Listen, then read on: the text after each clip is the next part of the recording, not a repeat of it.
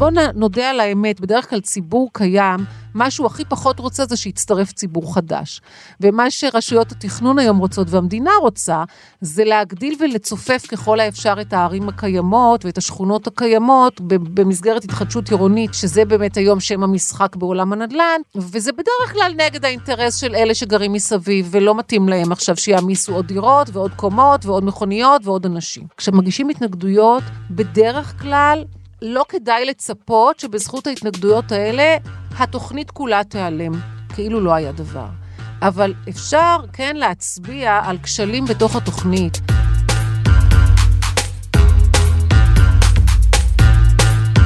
מדינת ישראל מתפתחת, מתחדשת, בניינים נבנים בכל פינה, מסילות רכבת, תשתיות, אבל מה אם זה קורה ממש מול המרפסת המדהימה שלכם, שבגללה רכשתם את הדירה, וכעת במרחק של כמה מטרים ממנה ניצב קיר של בניין חדש? ומה עם מצוקת החניה שקיימת ממילא תהפוך לסיוט כשיבנו את פרויקט הפינוי-בינוי שמתוכנן ברחוב הסמוך? אהלן, אני גיא ליברמן ואתם מאזינים לכסף בקיר, פודקאסט להשקעות הנדל"ן של גלובס.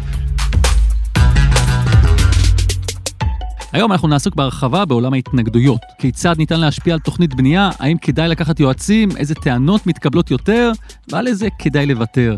האורחת שלי היום היא עורכת הדין ענת בירן, שבשנים הרבות שבהן היא פועלת בעולמות הללו, פיתחה מומחיות לנושא, ויחד איתה נעבור שלב שלב כדי שתדעו כל מה שצריך.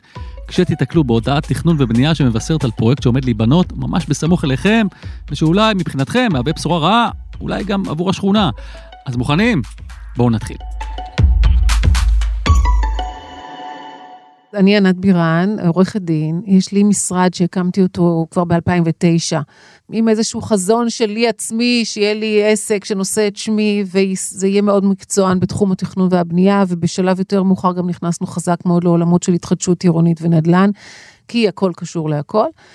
אה, ברקורד שלי כבר 33 שנות ניסיון, בחלק מהן הייתי יושבת ראש ועדת ערר לתכנון ובנייה במחוז תל אביב, זה גוף מאוד משמעותי היום בהליכי תכנון ובנייה.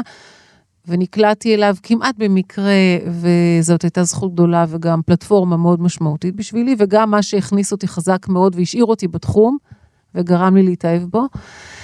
אה, זהו, נשואה, שלושה ילדים, חיה בהוד השרון, עובדת בתל אביב, רמת גן יותר נכון. באמת, אה, אה, כל מי שמתעסק בנדל"ן מכיר את השם שלך, תבואו לכל כנס שלא יהיה, נראה שם את ענת בירן, אז אני שמח מאוד היום שאנחנו נפגשים. והסיבה שאנחנו נפגשים היא, היא בגלל שאני נתקלתי לאחרונה בהליך של uh, התנגדות לפרויקט.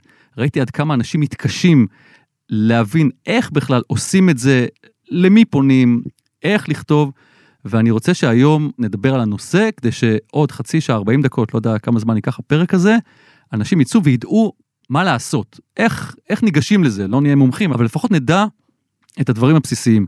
אז אני אשמח אולי דבר ראשון להבין איפה בכלל אני, אני נתקל בפרסום של פרויקטים ש, שאמורים לצוץ מולי, הרי אנחנו חיים במין חוסר ודאות כזאת, אנחנו גרים בדירה שלנו, אה, בשכירות, ופתאום מתחיל להיבנות בניין, ואתה אומר, רגע, מה זה הדבר הזה, מאיפה הוא הגיע בכלל? ואז אתה מתחיל לברר, ואתה אומר, אה, וואלה, בכלל, נכון, הנה, היה פה איזשהו תהליך, לא ידעתי עליו בכלל. אז איך אני יודע, או מה, מה החובות של היזמים לגבי פרסום הפרויקט שלהם? כדי להבין מאיפה צץ בניין, צריך ללכת קצת אחורה ובאמת להבין מה הבסיס ש... שאישר אותו, ואז לפי זה גם להבין מה אפשר לעשות. כשאתה כבר רואה בניין, כבר כנראה מאוחר מדי. כן. זאת אומרת, כל הנושא של התכנון, בין אם זאת תוכנית שמפשירה קרקע, ומאפשרת פתאום בשטח פתוח אה, לייצר הרבה מאוד אה, זכויות בנייה, בניינים, שכונה חדשה, בניינים חדשים וכולי. בין אם זו תוכנית של תשתית לאומית או תשתית לא לאומית, רכבת קלה, הרחבת דרכים, בניית מחלף, מטרו, שזה אחד הדברים הכי דרמטיים שהולכים לקרות, איזה פרויקט של פינוי-בינוי. אה, שזה לא שטח פתוח, שזה שטח, אה, אתה רואה, יש לך שיכונים ליד הבית, ופתאום השיכונים האלה הולכים והופכים להיות מגדלים. אז לכל אה, פרויקט כזה יש תהליך תכנון שבשלב מסוים ומאוד נקודתי במהלך התהליך הזה, יש אפשרות לשכנים להתנגד. ואם הם מפספסים את נקודת הזמן הזאת, כנראה שאבוד להם. כשאנחנו מדברים על תוכנית, קודם כל אנחנו צריכים להבין שפרויקטים קודם, הבסיס שלהם זה שתהיה תוכנית בניין עיר, אני אקרא לה תב"ע בקיצור. אה, זאת יכולה להיות תוכנית מתאר ארצית, זאת יכולה להיות תוכנית מתאר מחוזית, זאת יכולה להיות תוכנית מתאר מקומית, והתוכנית הזאת, התב"ע הזאת, היא בעצם קובעת מה מותר לבנות במשבצת קרקע מסוימת. ומאחר שתוכניות יש למכביר, כלומר, עשרות אלפי תוכניות, אז באמת, כדי לעקוב כל הזמן אחרי תוכניות, אתה צריך להיות על זה 24/7, וגם אז אתה לא תדע. אז החוק מחייב יזמים, בין אם היזם זאת מדינת ישראל, בין אם היזם זה רשות מקרקעי ישראל, בין אם זאת נטע, למשל במטרו, ובין אם זה יזם פרטי או עירייה, לפרסם הודעות. את ההודעות האלה מפרסמים לא בתחילת הדרך כשמתחילים לתכנן, אלא בשלב שבו התוכנית נחשבת כתוכנית מופקדת. מה זה נקרא מופקדת? היא כבר עברה תהליך של דיונים בין היזם לבין מוסד התכנון שאמור לאשר אותו בסופו של דבר, וגם כאן אני עושה סוגריים, מוסד תכנון זאת ועדה לתכנון ובנייה, שיכולה להיות ארצית, מחוזית, מקומית, יש המון ועדות. העסק הזה כל הזמן הולך ומסתבך ויש לו עוד ועוד זרועות. אבל ועדת תכנון כלשהי צריכה לאשר. כשוועדת התכנון הזאת מגיעה למסקנה שהתוכנית ראויה, רק אז היא מחליטה להפקיד אותה, משמעות המילה להפקיד היא בעצם לפרסם אותה להתנגדויות, ואז כל אחד שרוצה יכול גם לעיין במסמכי התוכנית. תכף נסביר מה הם. איפה מפרסמים את התוכנית הזאת?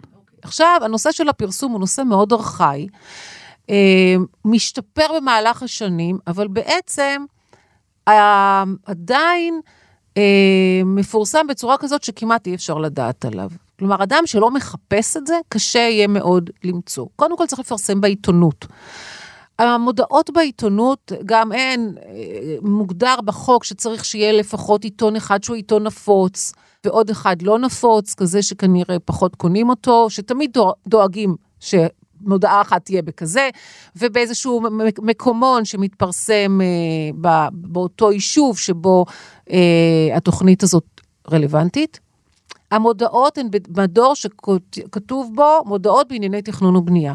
מה שמבטיח שאף אחד לא יסתכל על זה.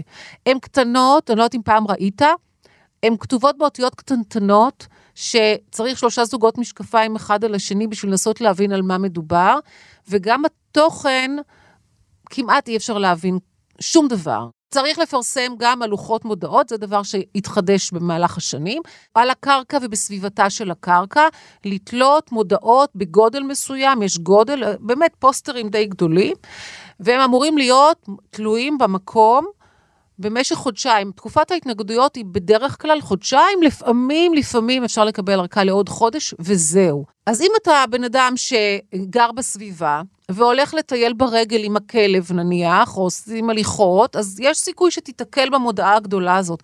אבל אם אתה קם בבוקר, ואתה נכנס לאוטו, ונוסע לעבודה, וחוזר הביתה, ונכנס, ונכנס לחנייה, אנשים לא תמיד מסתובבים. או שאתה גר בחו"ל. או שאתה בכלל משכיר את הדירה, או שבכלל הנכס שלך הוא לא דירה, אלא משהו שבכלל...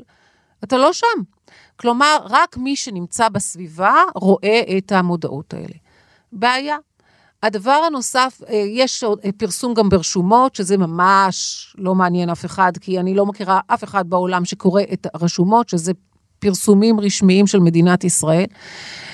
אה, ובאינטרנט, אבל כדי לדעת שזה אה, מתפרסם באינטרנט, אתה צריך לחפש את התוכנית. כלומר, יש היום אתר של מינהל התכנון שהתוכניות מתפרסמות, אבל אתה צריך קודם כל לחפש אותה כדי לדעת שהיא התפרסמה. לא צריך, וזה דבר מאוד חשוב, לא צריך לשלוח הודעות לאנשים הביתה. אנשים אומרים לי, אבל איך זה יכול להיות?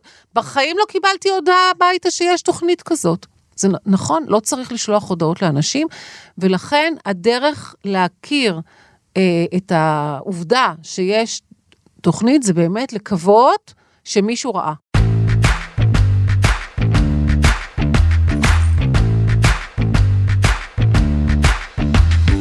לפני שנמשיך, רק נזכיר שמכיוון שפרויקטי תמ"א 38 מקודמים בהליך רישוי, זאת אומרת הליך שונה, פרק הזמן להתנגדויות הוא קצר ועומד על שבועיים. פרויקטים שבהם מבוקשות הקלות, שזה שינוי מתוכנית, נניח להוסיף קומה לבניין, פרק הזמן הוא 15 ימים. מבלבל? גם ענת חושבת ככה. המועדים הם לא, הם לא תמיד אותו דבר כדי לבלבל אותנו, אז יש לנו לתב"ע לחוד, לזה לחוד, לזה, ואז אתה צריך תמיד לבדוק את עצמך. וגם צורת ההתנגדות היא אחרת. תכף נדבר על מה כותבים בהתנגדות. אבל דווקא בפרויקטים כאלה של רישוי, יש חובה לשלוח הודעות הביתה, בתב"ע אין חובה לשלוח הודעות הביתה, לכן אל תשב ותחכה ותגיד, אה, אבל לא קיבלתי הביתה. אבל תמיד יש גם יוצא מן הכלל. יש איזו הוראה בחוק שאומרת שעל פרויקטים קטנים במיוחד, ששטחם קטן, אפשר לחייב את היזם לשלוח הודעות הביתה. אז לפעמים יש גם חריג לכלל שלא צריך לשלוח הביתה וכן שולחים הביתה. הבנתי. נתקלתי עכשיו במודעה הזאת, איך שהוא רצה הגורל, הכוכבים הסתדרו, ונתקלתי במודעה הזאת, ואני אומר לעצמי, רגע, שומו שמיים, הולך לקום פה בניין כל כך גבוה, הולך לעשות עליי צל, לא תהיה לי חנייה, אה, הבניין מתקרב אליי. מה אני עושה? רגע, אתה דילגת על שלב. אתה הנחת שאתה מבין מה התוכנית, מה, מהפרסום, מה התוכנית הולכת לעשות. צודקת לגמרי. ואני רוצה... מורה נבוכים, מה כתוב אוקיי, שם? אוקיי, בדיוק, מה כתוב שם בכלל? אז לפני זה עוד מילה, יש היום פלטפורמה מאוד מעניינת, עמותה שקוראים לה מאירים. שמי שמעניין אותו ורוצה להיות אה, מיודע אה, במה שקורה בסביבתו, יכול להירשם, לכתוב את הכתובת שלו, והם שולחים אליו פושים של אה, פרויקטים או תוכניות שעומדות אה, להתאשר או שמקודמות בסביבתו. פרגון לעמותת מאירים, למה לא? עכשיו, כמו שענת הדגישה, חשוב להבין מה בכלל כתוב במודעות האלה, שבאמת נראות לפעמים כמו שפה מארץ אחרת. אתה מסתכל על המודעה, ואתה מנסה להבין מה כתוב בה. אז בדרך כלל יהיה כתוב גוש וחלקה, גושים וחלקות, וכתובת, אם יש כתובת, לא תמיד יש כתובת, כי לפעמים זה איזשהו אזור שעוד אין לו שום, שם של רחוב, אבל נניח שיש גם כתובת, ואז כתוב מהם עיקרי התוכנית. ואז יש כל מיני מילים שהן בעצם בשפה מאוד מקצועית. שינוי ייעוד מאזור אה, מגורים א' לאזור מגורים ג' מיוחד. אה, שינוי במערך הכבישים, איחוד וחלוקה של מגרשים, תנאים להוצאת היתרים. עכשיו, מזה אתה לא מבין כלום. לא כותבים בדרך כלל... אה, אה, משפט שמתאר את הדברים כמו הקמת פרויקט שיכלול 30 קומות שבהן יהיו ככה וככה וככה ו-X מקומות חניה. את כל המלל הזה, התיאור הזה, לא תראה במודעה. יש מודעות היום שיש עליהן ברקוד וגם צריך יהיה, אה, זה, זה, זה דבר שנכנס עכשיו כחובה. להכניס ברקוד במודעה, שאם אתה עם הטלפון שלך יכול אה, לסרוק אותו, ואתה אמור לראות גם הסבר מילולי הרבה יותר ידידותי למשתמש, וגם אה, גם את מסמכי התוכנית, שתכף אני אדבר עליהם, וגם הדמיה שמראה לאדם מן היישוב איך אמור להיראות הפרויקט הזה. דרך אגב, הדמיות כאלה הן לא... זה לא חובה שככה ייראה, אבל זה איזושהי דוגמה איך הפרויקט הזה, איך, הר... איך האדריכל רואה אותו. אז אחד הדברים שצריך, קודם כל, כשקוראים את, ה... את המודעה הזאת, זה לנסות להבין מה הולכים לבנות. כדי להבין מה הולכים לבנות, אין מנוס מלפנות לתו, לאתר האינטרנט, שבדרך כלל שם כבר יהיו כל המסמכים, אתר האינטרנט של מינהל התכנון, והיום לשמחתי באינטרנט החומרים נגישים, יש לך אתר שקוראים לו איתור תוכניות, מינהל התכנון, אתה נכנס, ראית את המודעה, אתה מצלם אותה בטלפון, יש לה מספר כמו מספר תעודת זהות. נכנס לאתר של מינהל התכנון או לאתר העירוני, בדרך כלל גם באתר העירוני יש דרך להגיע, ואז אתה תראה רשימה ארוכה מאוד של מסמכים. שזה עוד דבר שמאוד מקשה עלינו, אפילו שכבר ראינו שיש תוכנית, אוקיי, מה אני עושה עם שלל המסמכים האלה? בסופו של דבר צריך לשבת, לפתוח את כל המסמכים ולנסות להבין מה בעצם השורה התחתונה. מה הולך להיות כאן? אז עכשיו אנחנו אה, אה, נתקלנו במודעה, אה, נכנסנו לאתר של מינהל תכנון, ראינו, הבנו פחות או יותר שכאן עומד לקום בניין, סתם לדוגמה, שמונה קומות. החלטתי שאני לדבר הזה לא מוכן. הזכרת גם בהתחלה שאנחנו כבר בהליך די מתקדם, זאת אומרת היזם והעירייה, וה, או, או הגוף ש, ש, שאחראי על התוכנית, כבר עשו לא מעט עבודה, זאת אומרת, אתה עכשיו נכנס ומנסה לעצור עם האצבע, הליך שכבר מתקדם די מהר. אחת הבעיות של הציבור הרחב בהתנגדויות, ובעיניי זה גם בעיה של היזם, לא, ואני מייצגת גם יזמים בהתנגדויות, לכן באמת אני רואה את הדברים באמת בפרספקטיבה מכל מיני צדדים. זה שהשלב של ההתנגדויות הוא בשלב מאוד מאוחר. כלומר, מבחינת היזם, הוא כבר עמד בכל הדרישות שהרשויות דרשו ממנו לאורך חודשים ולפעמים שנים. מה שרוצה ראש העיר הזה וראש העיר ההוא והמהנדס הזה וההוא התחלף, ואז באים למחוז, והמחוז רוצה ככה ואחרת, ויועץ התנועה ומשרד להגנת הסביבה, ובאמת הוא, עד שהוא מגיע למוצר שסוף סוף זוכה להכרה כמוצר שהם מוכנים להפקיד אותו. עכשיו באים לשמוע מה אומר הציבור. עכשיו, הציבור, זה פעם ראשונה שהוא רואה את זה. מבחינתו, כל מה שהיה קודם מת. או בכלל לא קיים, ולמעשה הוא רוצה ומצפה להישמע בפני גורם שהוא אובייקטיבי. אבל הציבור לא נשמע בפני גורם שהוא אובייקטיבי לחלוטין. אה, אולי הוא נשמע בפני גורם שאמור להיות עם לב פתוח ונפש חפצה, אבל אותו גורם ששומע אותו, הוא הגורם שחשב שהתוכנית מספיק טובה כדי להפקיד אותה. ולכן, אחד הדברים שאני אומרת כבר שנים, ולא רק אני, אלא באמת מי שעוסק בתחום, שאת כל שלב ההתנגדויות היה נכון גם מבחינת היזם וגם מבחינת הציבור, להקדים לשלב יותר מוקדם בתהליך, כדי שהדברים יהיו מספיק טריים, שאפשר יהיה ללוש אותם מההתחלה בצורה יותר... אה, אה, יותר משותפת. דרך אגב, יש היום הליכים שלא נתבלבל, הם לא קשורים להתנגדויות, קוראים להם שיתוף ציבור. שהרבה מאוד רשויות נוקטות בהם, לפעמים כמצגת שמציגים לציבור זה די לא שיתוף, השיתוף הוא בזה שמראים להם, יידוע הציבור, פחות שיתוף, אבל אז לפחות הציבור יודע שהוא צריך להיות ב stand by ולדעת שמתקדמת תוכנית.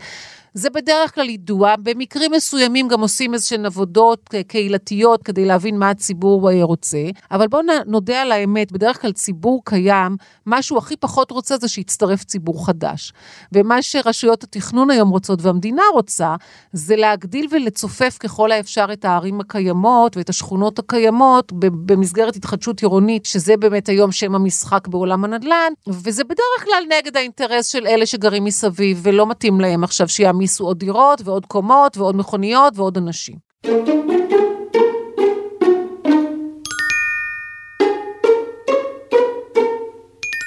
כולנו טרודים בחיי היומיום ולא ממש מכירים את התהליך שענת מדברת עליו, שזה במילים אחרות, כללי המשחק. היזמים מקדמים תוכניות מול הרשויות, ואנחנו יכולים להביע עמדה רק בשלב מאוד מאוד מאוחר. מה שנותן לא מעט חומר למחשבה. אבל כרגע בואו נמשיך בתכלס. איך מגישים התנגדות? מה כותבים? אולי בכלל נתחיל עם תשובה לשאלה, למי פונים? קודם כל מתנגדים לגורם שפרסם, זאת אומרת, כתוב ועדה מחוזית או ועדה מקומית. הדבר השני הוא שצריך, אבל לא מוכרחים, להתארגן. אני ממליצה מאוד להתארגן, אה, כיוון שאז יש כוח, פעם אחת מבחינת... אה, זה לא בעיה של בן אדם אחד, איזה משוגע לדבר, אלא יש פה עמדה של אה, ציבור שלם, לא תמיד זה משנה הרבה, אבל זה נותן כוח. מה שעוד זה נותן, זה את האפשרות לשכור אנשי מקצוע. אה, אנשי מקצוע בתחום הזה מאוד רלוונטיים, כי הם מבינים גם את גבולות הגזרה. מה אפשר לטעון, איזה טענות מתקבלות ואיזה טענות לא מתקבלות. אנשי מקצוע זה לא רק עורכי הדין שהם תפקידם לייצג את, ה, את המתנגדים, אלא יועצים כמו, הרבה מאוד פעמים צריך יועץ תנועה. או, אדריכל שיודע לנתח, את, להפוך את המילים לאיזשהו אה, ניתוח אה, אדריכלי, תכנוני, ולהראות שאולי אפשר גם אחרת. באיזה צורה מגישים את ההתנגדות? יש דרכים להגיש התנגדות בתוך, ממש בתוך אתר האינטרנט. לא מוכרחים לכתוב מגילות. אבל כשאנחנו מדברים על התנגדות לתוכנית, אחת הדרישות של החוק היא שההתנגדות תהיה מאומתת בפני עורך דין. בסדר? ולכן לא לשכוח, כי זה יכול לפסול את ההתנגדות. אני לא אומרת שהעורך דין חייב לכתוב את ההתנגדות. אתה יכול לשבת בבית, לכתוב את ההתנגדות כמו שאתה מבין אותה, אתה, אתה לטעון את מה שאתה רוצה, ופשוט בסוף צריך לחתום בפני עורך דין על תצהיר. שמצהיר שאני ענת בירן, מספר זאת זאת וזה וזה, ואני מצהירה שמה שהצהרתי זה אמת, ושאני מודעת לאנשים הקבועים בחוק אם, אם, אם, זה לא אמת, ולחתום בפני עורך דין שמאשר שזאת חתימתי. אבל דווקא בהתנגדויות לתמ"א ול, ולהקלות, שקודם שאלת אותי מה זה הקלות, שם אין דרישה לתצהיר. ושם אתה באמת יכול להגיש פשוט כמה מילים, אני מתנגד, אה, זה יסתיר לי את הנוף, תכף נשאל, נשמע מה, נדבר על מה בכלל לטעון. זה יסתיר לי את הנוף, אין מקום, אין גנים, אין זה, יהיו ילדים יחד, כל מיני טענות שאתה רוצה לטעון, ואין שום צורך בתצהיר. אז גם פה צריך לדעת, לתב"ע צריך תצהיר, להקלה בתמ"א 38 לא צריך להגיש עם תצהיר, בסדר? אז זה קודם כל, כל אחד יכול לכתוב. ויש גם מקרים ששמענו עליהם לא מעט של התארגנויות של עשרות או מאות של תושבים שמגישים התנגדות לפרויקט, כן, מין פייסט כזה של נוסח, ואת זה עושים מתוך מחשבה שהמסה תעשה את העבודה. אז לא תמיד זה עובד. יכולים גם 800 איש לכתוב את אותו דבר. בסדר? אפשר, ואני רואה את זה בקבוצות, אנשים כותבים איזשהו נוסח ומפיצים אותו. רק צריך לקחת בחשבון שלמוסדות התכנון ששומעים את ההתנגדויות, יש סמכות להגיד אם יוגשו להם התנגדויות שהן זהות או דומות מאוד במהותן, הם לא צריכים להזמין את כולם אחר כך לדיון. הם יכולים להזמין אחד או שניים, לפי שיקול דעתם, כי זה, זה רואים שזה, אם זה copy-paste, אז אין צורך להזמין. זאת אומרת, לא יכולים לעשות כאן פיליבסטר אחר כך ולבוא ולעשות ישיבות של אה, לשמוע 800 איש שכתבו את אותו מסמך. נגיד, עבר המועד, חלף המועד, אה, עברו 60 הימים, נזכרתי קצת מאוחר, לא יודע מה, הגשתי אחרי 62 ימים, ישמעו אותי או ש... שווה לנסות. בדרך כלל אה, מוסדות התכנון הם לא strict ומעדיפים לשמוע מאשר לזרוק מישהו על הסף ואחר כך אה, עוד יום אחד יחזור כמו בומרנג מבית משפט אחרי שנתיים ויגיד למה לא שמעתם. הזכרת את זה שניתן ובחלק מהמקומות לוקחים אנשי מקצוע. אני יודע שלפעמים זה עולה עשרות אלפי שקלים. בוודאות. עכשיו, אנחנו תושבים בשכונה, בסך הכל אנחנו רוצים לעשות טוב, ואנחנו גם המעטים האלה ש, שקצת יותר אקטיביים, ויש עוד המון שלא עושים כלום. איך מגייסים את הכסף הזה בכלל? אני מוכרחה להגיד לך שאין ברירה. אם רוצים להגיש חוות, אה, חוות דעת מקצועיות ולהיות מיוצגים, אז צריך לאסוף כסף. וזה ואני, שווה את הכסף? אני אומר לך, אני רוצה להגיד דבר כזה על התנגדויות. קודם כל, התנגדויות זה הליך מקצועי. אם אדם רגיל, זה שלמישהו רגיל שלידו יש בניינים של אה, ארבע קומות או שתי קומות, וככה הוא היה רגיל, ולא מתאים לו שפתאום יעשו פרויקט חדש, והוא יכתוב מה זה, יגדיל את הצפיפות ויסתיר לי את האור וזה וזה וזה, יש סיכוי גבוה שלא יתייחסו לטענות שלו, כי זה מין סיסמאות שאין מאחוריהן כלום. ולכן כשמגישים התנגדויות, בדרך כלל לא כדאי לצפות שבזכות ההתנגדויות האלה, התוכנית כולה תיעלם, כאילו לא היה דבר. אבל אפשר כן להצביע על כשלים בתוך התוכנית, או על אה, חוסר התאמה של התוכנית בהיקפים שלה, או על שינויים בבינוי שרוצים להציע, או על אולי שלביות ביצוע, שאומרים, תראו, אתם רוצים להוסיף, בסדר, אבל בואו לפחות תתנו את הבנייה בפתיחה של צומת זאת וזאת, שכבר שנים מדברים עליה ולא פותחים, או... אה, תקצו עוד שטחים לגני ילדים בתוך הפרויקט, כי אנחנו יכולים לספר לכם שאנחנו לא מצליחים לרשום את הילדים לבתי ספר. עכשיו, כדי לתת אה, טיעונים ש... הם יותר מקצועיים ויותר מתכתבים עם שיקול הדעת של האנשי המקצוע שיושבים בצד השני, אני כן ממליצה להתייעץ. אני כן ממליצה לקחת אה, אה, יועצים. אה, ולפעמים יועץ תנועה שיכול לבחון האם נעשתה בדיקה תנועתית, כן או לא, יש לזה משמעות. והוא יכול לתת לך את, ה, את הטיעון הזה שאתה אפילו אולי לא יכולת לעגן אותו בטענות מקצועיות. אבל אחוז ההתנגדויות שמתקבלות הוא מאוד מאוד נמוך, ואת זה צריך לדעת. אחוז ההתנגדויות שמתקבלות נגד פרויקט הוא מאוד נמוך, סטטיסטית. כלומר, את זה צריך לקחת בחשבון.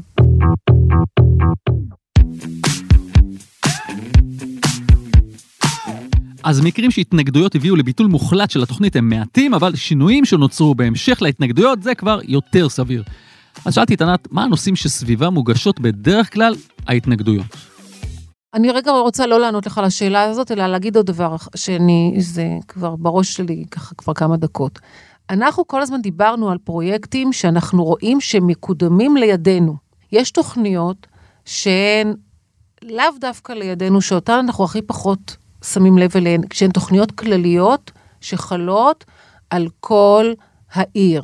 למשל, תוכנית למבני ציבור ברמת גן, בתל אביב, בכל... העירייה בעצם באה ואומרת, אני מקדמת עכשיו תוכנית שכל שטח שצבוע בחום, שזה שטח למבנה ציבור, במקום שעד היום מותר לבנות בו ארבע קומות, אני אאפשר לבנות בו עשר קומות, ויהיו בו גם שטחים מסחריים וכולי וכולי.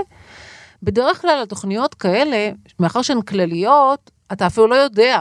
כי אמנם הן מתפרסמות ותולים אה, מודעות ככה ברחבי העיר, לא בדיוק ברור איפה, כי אין, אין, אין, אין בהכרח שטח ספציפי. פתאום אתה רואה שבונים לך אה, בית ספר בגובה של אה, שש קומות מול הבית, כשאתה ידעת שאתה קונה ויש שם גן ילדים קטן של קומה אחת. אז אני, אה, חשוב לי להגיד שצריך להיות ערני לא רק למה שקורה ליד הבית שלי, אלא גם לתוכניות שהן הרבה יותר כלליות, שבדרך כלל אנשים אה, בכלל לא שמים אליהם לב, ודווקא הן יכולות לבוא אחר כך ולהתהפך עליהם בלי שהם ישימו לב. אז זאת הערה. אגב, זה מה שאמרנו במודעת תכנון ובנייה, שאנחנו רואים את כל המלל הזה, אז בהמשך יש גם איזה תוכניות חלות על המקרקעין הזה, שזה יכול להיות התוכנית הספציפית הזאת, או, או תוכניות אחרות, שקשה מאוד להבין מה קורה שם.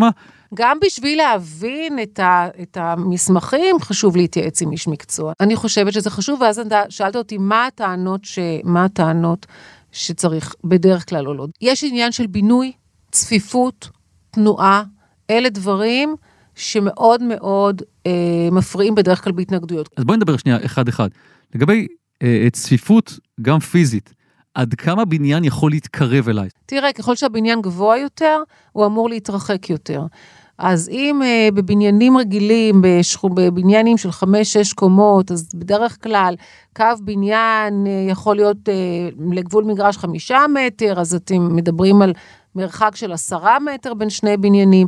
אז אם הוא איזה מגדל גבוה, אתה מצפה שירחיקו אותו 20 מטר או 30 מטר, זה לא תמיד קורה. דרך אגב, אנחנו הצגנו מתנגדים ברחוב בארי מול פרויקט מאוד גדול באיכילוב, בתוך איכילוב, הם ממש גובלים בגדר של איכילוב, ובניין מאוד גבוה, עשרות קומות, בגדל אשפוז, עם הרבה מאוד uh, השלכות גם של uh, תאורה יומם ולילה, כל מיני בעיות שהן ייחודיות לבית חולים ופחות אולי לבתי מגורים.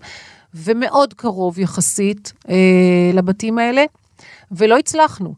אה, טיפה, טיפה אה, הרחיקו אותו, אבל זה לא מה שבעלי הדירות אה, קיוו, אה, ואמרו שיש חשיבות מאוד גדולה אה, בבניין הזה, ובאופן כללי, שמי שגר בעיר, והיום זה אחד המשפטים שכולנו צריכים לדעת שהוא קיים והוא מוביל, מי, שקיים, מי שגר בעיר לא יכול לצפות לשמור על הסביבה שלו פתוחה, על הנוף שלו פתוח. מי שבוחר בחיי עיר ולא בחיי כפר, צריך לדעת שהעיר הולכת ומצטופפת ועולה לגובה.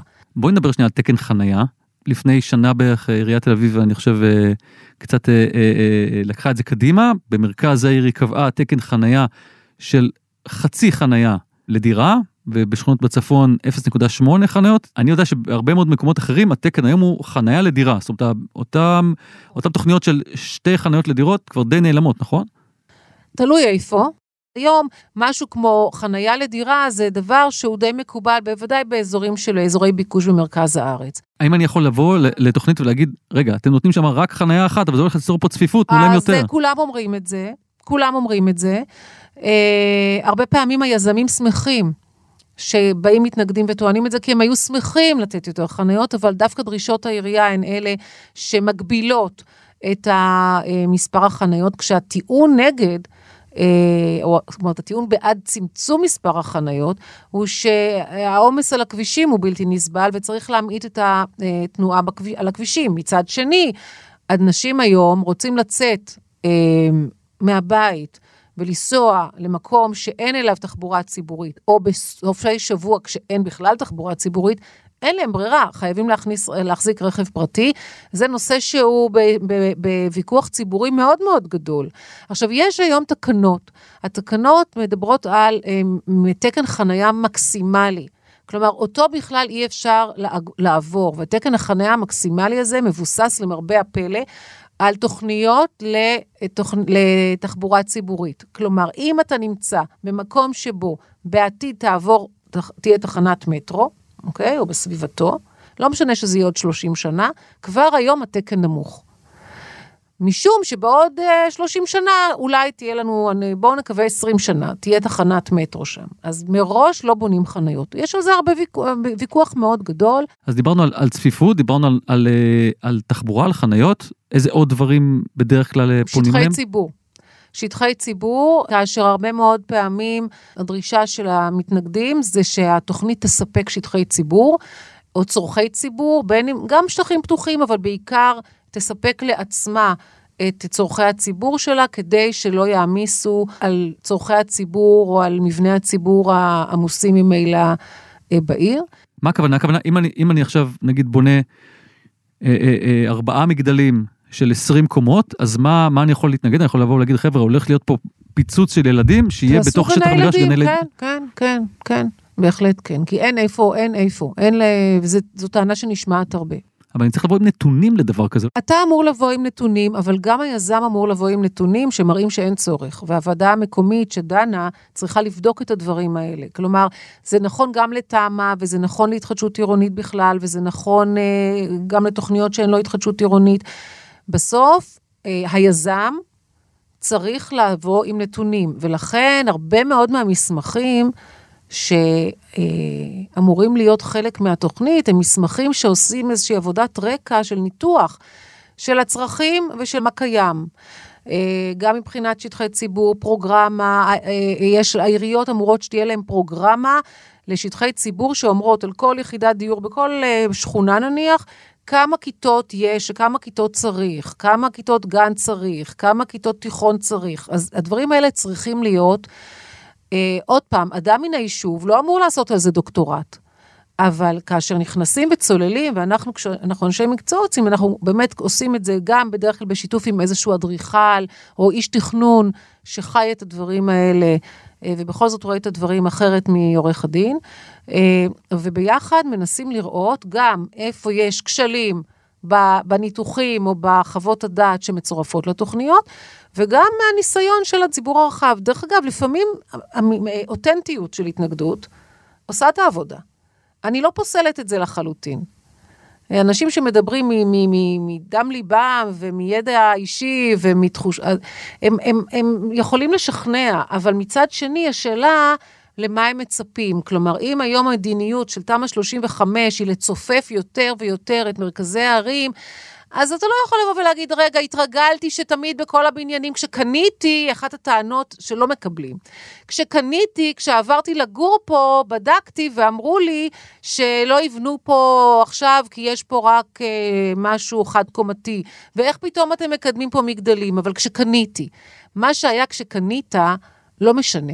כי תוכניות מטבע הדברים הן כל הזמן משתנות, והחיים אה, מחייבים אותנו כל הזמן אה, לפתח ולהתפתח ולהוסיף, ולכן אה, זאת טענה למשל שאיש מקצוע לא יגיד. הוא לא יגיד כשהייתי, כשקניתי, כשחשבתי. הבנתי, אז אלה הדברים העיקריים, הגשתי את ההתנגדות, עשיתי את כל מה שצריך, מה קורה, אמורים לזמן אותי? אמורים לזמן אותך לדיון. בדרך כלל היום, אחרי, מזמנים מתקופת, את כל, את כל המתנגדים? את כל המתנגדים מזמנים לדיון, אלא אם אמרתי קודם, כבר היו מקרים שבהם 800 התנגדויות זהות, לא הזמינו. הזמינו שניים, שלושה. בסדר? אבל ככלל צריך להזמין את כולם. היום, מאז הקורונה, הרבה מאוד מהדיונים נעשים בזום, או בצורה אה, היברידית. חלק יכולים להגיע וחלק בזום, זאת אומרת, זה גם יותר נגיש מבחינה זאת שאתה יכול לשבת בבית או בחו"ל או, או באוטו. ולהיות חלק מהתהליך. חובה לאפשר לכולם להיות בהתנגדויות. כלומר, לא, לא שומעים התנגדות התנגדות. זה ציבורי, זה, זה פומבי, ולכן אתה גם רשאי לשמוע מה אומרים אחרים ומה עונים לאחרים, וההתנגדויות יכולות להימשך ימים שלמים. הזמן להגשה, לטיעון בהתנגדויות הוא בדרך כלל לא ארוך. יושב ראש ועדה מסודר, בדרך כלל יבוא ויגיד, תשמעו, אנחנו קראנו, יש לכם עשר דקות. תחלקו את הזמן שלכם איך שאתם רוצים בין היועצים השונים. זמן הטיעון הוא מוגבל, ולכן צריך לשים מראש, להתכונן ולשים דגש על ההיילייטס, מתוך תקווה והנחה שאנשי המקצוע שיושבים בוועדה כבר קראו וכל החומר מונח בפניהם.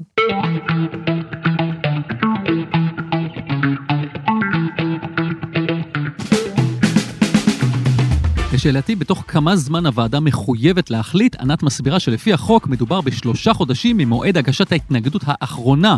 אך לא במציאות זה תמיד עובד ככה, ויש גם חריגים כמו הוותמ"ל, שהיא הוועדה למתחמי דיור מועדפים, שזו ועדה שעוסקת בתוכניות ענק, ושם ההחלטות יכולות להתעכב לפרקי זמן ארוכים יותר.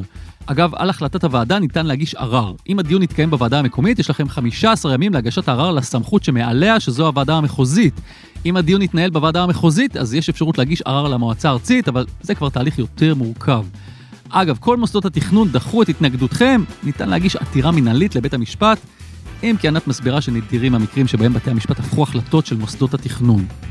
בתי המשפט, אה, על פי הלכות שניתנו כבר לפני הרבה מאוד שנים וחוזרות על עצמם שוב ושוב גם על ידי בית המשפט העליון, אומרים שהם לא יושבים כוועדת בניין ערים עליונה, הם לא גורמי תכנון, ולכן הם לא בודקים את איכות ההחלטות. הם יכולים לבחון האם אה, ההחלטה התקבלה בצורה לא מסודרת, היה משוא פנים, היה, היה איזה ניגוד עניינים. אה, משהו שהוא בלתי חוקי, אה, קשה לי כרגע לתת דוגמה, אני יכולה לספר שהיינו בדיון בהתנגדויות, ב... הצגתי את שכונת דניה נגד פרויקט שקוראים לו דניה הירוקה, והייתה שם טענה מאוד מאוד קשה לנושא של חשש משרפות. ואי טיפול באי יצירת פתחי מילוט או כבישי מילוט נוספים, בהנחה שמעמיסים על השכונה עוד אה, מאות יחידות דיור, אבל לא נותנים לה עוד יציאות החוצה במצב של, אה, במצב של אה, שריפות. ואכן בית המשפט, אחרי שעברנו ועדה מחוזית שדחתה את הטענות האלה, ומועצה ארצית שדחתה את הטענות האלה, בית המשפט דווקא קבע שבאמת הנושא לא נבדק עד הסוף, והחזיר את, ה, את התוכנית הזאת לדיון. כשרוצים להתארגן, אני מאוד ממליצה למי שמוביל את העניין הזה, לפתוח חשבון, לגייס כסף, כדי שאנשים uh, יוכלו אחר כך להמשיך את התהליך, ולא פתאום לגלות שהקופה ריקה. עוד דרך שעשינו, ואני יכולה להזכיר אותה פה באחד המאבקים, זה גיוס, אה, גיוס המונים.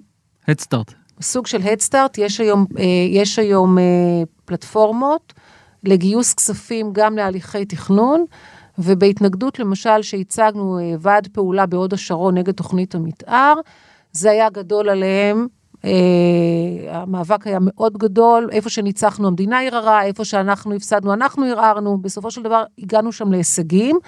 אבל אחד הדברים שמאחר שהייתה תוכנית גדולה, שעניינה בעצם את הציבור הרחב, אבל לא הייתה שום יכולת להגיע לציבור רחב ובלתי מסוים ולייצר את המנגנון של איסוף הכספים, הלכו דרך הדסטארט, אה, מנגנונים של הדסטארט, וזה אפשר לאנשים לתרום 100 אה, שקל, 50 שקל, אבל הרבה מאוד אנשים שזה מעניין אותם, ועובדה שהיה תקציב. טוב, ענת, עוד איזה, עוד איזה משהו, עוד איזה טיפ? אני אגיד עוד דבר אחד על התנגדויות. המילה התנגדויות היא יוצאת מתוך הנחה שמשהו לא בסדר בתוכנית, ובואו להתנגד לה. ואני, כשבאמת, אני רואה את הדברים מפרספקטיבות שונות, וכל פעם, אתה יודע, דברים שיושבים ורואים מכאן, לא רואים משם ולהפך, אתה אומר, רגע, למה להתנגד? אני רוצה לתמוך בתוכנית הזאת. אני רוצה להשמיע את דעתי, אבל אני לא בהכרח רוצה להתנגד. יש לי השגות. יש לי הערות, אולי באלף, אולי בעין, אבל המילה התנגדות, יוצאת מתוך הנחה ויוצרת איזה סנטימנט שלילי, שאם מקדמים תוכנית, כנראה שהציבור צריך להתנגד לה, אחרת למה שולחים לי? ואני ראיתי, אנשים אומרים לי, קיבלתי הזמנה להתנגד, אז על מה להתנגד? אז אני אומרת, לא תמיד מוכרחים להתנגד. אז שווה לבדוק את התוכנית, לראות מה המשמעות שלה, ולפעמים, דווקא בהתחדשות עירונית, העובדה שמקדמים תוכנית לידי, היא הפוטנציאל שלי לקבל תוכנית כזאת בעתיד. לפעמים אני, ההתנגדות שאני רואה אותה, הרבה פעמים זה, למה גם לי לא? גם אני רוצה כזה. אז התנגדות של גם אני רוצה כזה, תכניסו גם אותי לתחום התוכנית, ויגידו לך, לא, אין בעיה, תעשה אתה בנפרד, תעשו תוכנית, אנחנו נקדם לכם אותו דבר. אז אני אומרת, לפעמים צריך גם לשנות דיסקט. המילה התנגדות לא אומרת שמצווה להתנגד לכל תוכנית. כן צריך לנסות לשמור על הזכויות ועל איכות חיים סבירה ולנסות לעצור את הדברים ולהקטין נזקים ולנסות להשפיע. זה כן. אוקיי, ענת, תודה רבה שבאת אלינו. בשמחה, תודה שהזמנת אותי. עד כאן עורכת הדין ענת בירן, שהיה לי ממש תענוג לשבת איתה וללמוד בעצמי. ועכשיו, לפינת הפרשנות שלנו עם אריק מירובסקי, פרשן הנדל"ן הבכיר של גלובס. אהלן אריק. שלום וברכה, גיא. אהלן, אז אנחנו היום בענייני התנגדויות, ואני אשמח לשמוע מה אתה חושב, יועצים, כדאי לקחת, לא כדאי לקחת, עד כמה זה שווה? באופן עקרוני, גיא, יש אה, כמה סוגי התנגדויות, כשהרמה הנמוכה ביותר של התנגדויות זה מה שאני קורא להן אה, התנגדויות סטנסיל. זה מצב שאני חושב הרבה מאוד מהמאזינים שלנו מכירים, שבו אדם אחד או קבוצה של אנשים מנסחים לשון אחידה של התנגדות, הם אה, מחתימים עליה את כל, אה, את כל החברים או את השכנים שלהם, ושולחים את הכל ביחד אה, לוועדה. יש להתנגדות הזאת חיסרון גדול, שזה למעשה התנגדות אחת, ובאופן מקצועי קל מאוד להגיב עליה, בדרך כלל גם היא לא מקצועית, ולכן קל גם לדחות אותה. יש לה חשיבות אחרת, וזה חשיבות ציבורית. כי כשאתה מצליח, אה, לדוגמה, לארגן 500 אה, תושבים מהשכונה, ו-500 איש שולחים אה, טפסי התנגדות, ומגבים את זה במכתבים לעירייה, ובקבוצת פייסבוק וכדומה, אז אני חושב שיש אנשים בעירייה שמתחילים להתייחס אליכם בצורה, אם לא מקצועית, אז פוליטית, במיוחד לקראת אה, בחירות. לכן אני לא מזלזל בסוג הזה של ההתנגדות, אבל הוא באמת מקצועית נטו, הוא לא חזק. הסוג הקיצוני אה, מהצד השני של התנגדויות, זה התנגדויות שמגובות במומחים ויועצים. הווה אומר, החל מעורך דין ושמאי ומומחה לאקוסטיקה, לדוגמת המתלונן שהתוכנית התוכנית אה, החדשה עלולה להגביר את הרעשים, ומומחי תנועה, יש המון התנגדויות שטוענות שהתוכניות החדשות אה, יגרמו לפקקי תנועה ויכבידו מאוד על התנועה ו/או על החנייה, אנחנו מכירים את הסיפורים האלה. אלה טענות שלמעשה, אם אתה לא תגבה אותן עם uh, חוות דעת של מומחים, סביר מאוד להניח שבהרבה מאוד ועדות יזרקו אותך, יזרקו אותך ישר מכל המדרגות, יגידו, אדוני, אז אתה אומר שיהיה פה יותר תנועה, אז תיסע באוטובוס. או אתה אומר שיהיו חניות, שיהיו בעיות של חניות, אז בסדר, אז אמרת. המומחה, התנועה של היזם, מראה שהכל בסדר. אני חייב להגיד, אבל לשאול אותך בנקודה הזאת, הרי ברור לוועדה שמי ששכר את אותו יועץ זה אני, ולכן, עד כמה שהוא מקצוען, עדיין יש מישהו שמשלם לו. האם הוועדה מסתכלת על זה בכלל לדעתך? קודם כל כן, אה, אבל היא בסופו של דבר בוחנת את הדברים לפי, לפי שיקול, שיקול דעתה.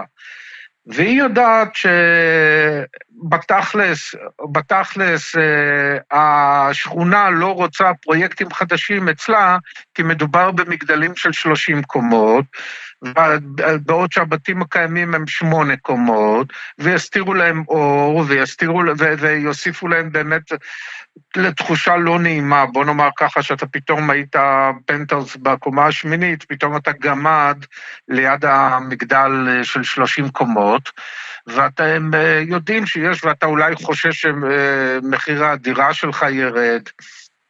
מכירים את, מכירים את המניעים האלה. הבנתי, וזה מוביל אותי לשאלה הבאה. האם כדאי לדעתך להתמקד ב, ב, בהתנגדות, בטיעון אחד חזק מנצח, מה שבאמת מפריע לך, או לבוא ולהגיד, אני עכשיו יורה לשלושה, ארבעה כיוונים, אני מקווה שהוועדה, משהו ייתפס שם. אה, הפרקטיקה נהוגה, ואני מסכים איתה לגמרי, שאתה צריך ללכת לכל אורך ה... או לכל רוחב הסקאלה. לראות איפה שאתה יכול. כי ברגע שאתה מביא טיעון שלדעתך הוא מנצח, אבל מה אפשר לעשות? לא שכנעת את הוועדה, אז הם מסירים את הטיעון הזה ולא נשאר לך כלום. ברגע שאתה מתחיל לנסח טיעונים על גבי טיעונים, ואני מניח שיש, שיש בדברים שאתה כותב, יש אמת, יש צדק, ואתה מצליח לפחות לשכנע קצת, אתה לא... הכוונה היא לא לשכנע את הוועדה שזו תוכנית גרועה, איומה, תמחקו אותה, תורידו אותה, אני לא רוצה, לא רוצה לראות אותה. זה לא, זה לא ריאלי. ברוב המקרים זה לא ריאלי. הכוונה היא לבוא ולהכניס תיקונים לתוכנית הזאת, וברגע שאתה מצליח להכניס אותם, אה, אתה יכול לראות את זה כהישג לא רע בכלל. הבנתי. עוד איזה נקודה שלך חשוב להגיד בנושא של התנגדויות? כן.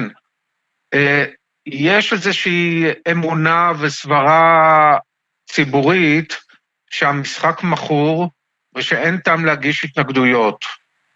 אז יש לי לומר בזה אה, שני דברים. א', האמונה או הסברה הזאת לא, הן לא משוללות יסוד לצערי.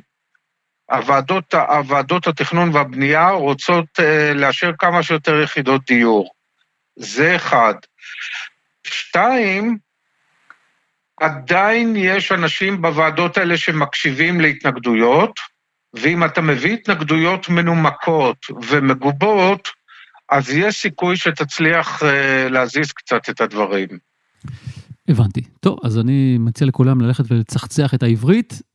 אריק, אני מאוד מודה לך כרגיל, ניפגש בפרקים הבאים. בשמחה רבה, גיא. עד כאן עוד פרק של כסף בקיר. לעשרות פרקים נוספים שלנו ניתן להאזין בכל אפליקציות הפודקאסטים או דרך אתר גלובס. אם אהבתם ואהבתם את מה ששמעתם, אתם מוזמנים לשלוח את הפרק לחבר או חברה שמתעניינים בתחום ועדיין לא שמעו על כסף בקיר. אם אתם בעצמכם משקיעים בנדל"ן ורוצים לספר לנו על ההשקעה שלכם או כל דבר אחר, כולל לבקש פרק על נושא מסוים, שלחו מייל לכתובת כסף.בקיר@globes.co.il באותיות באנגלית כמובן. אפשר גם אליי ישירות בפייסבוק או בטוויטר. דניאל גרלח את הסאונד והילה וייסברג היא עורכת הפודקאסטים של גלובס. טוב, זה הזמן לספר שאני ממש רותח על תוכנית שמקדמים ממש בסמוך אליי ואני ממש בשלבים אחרונים של גיוס המונים. או שלא. אני גיא ליברמן, ביי.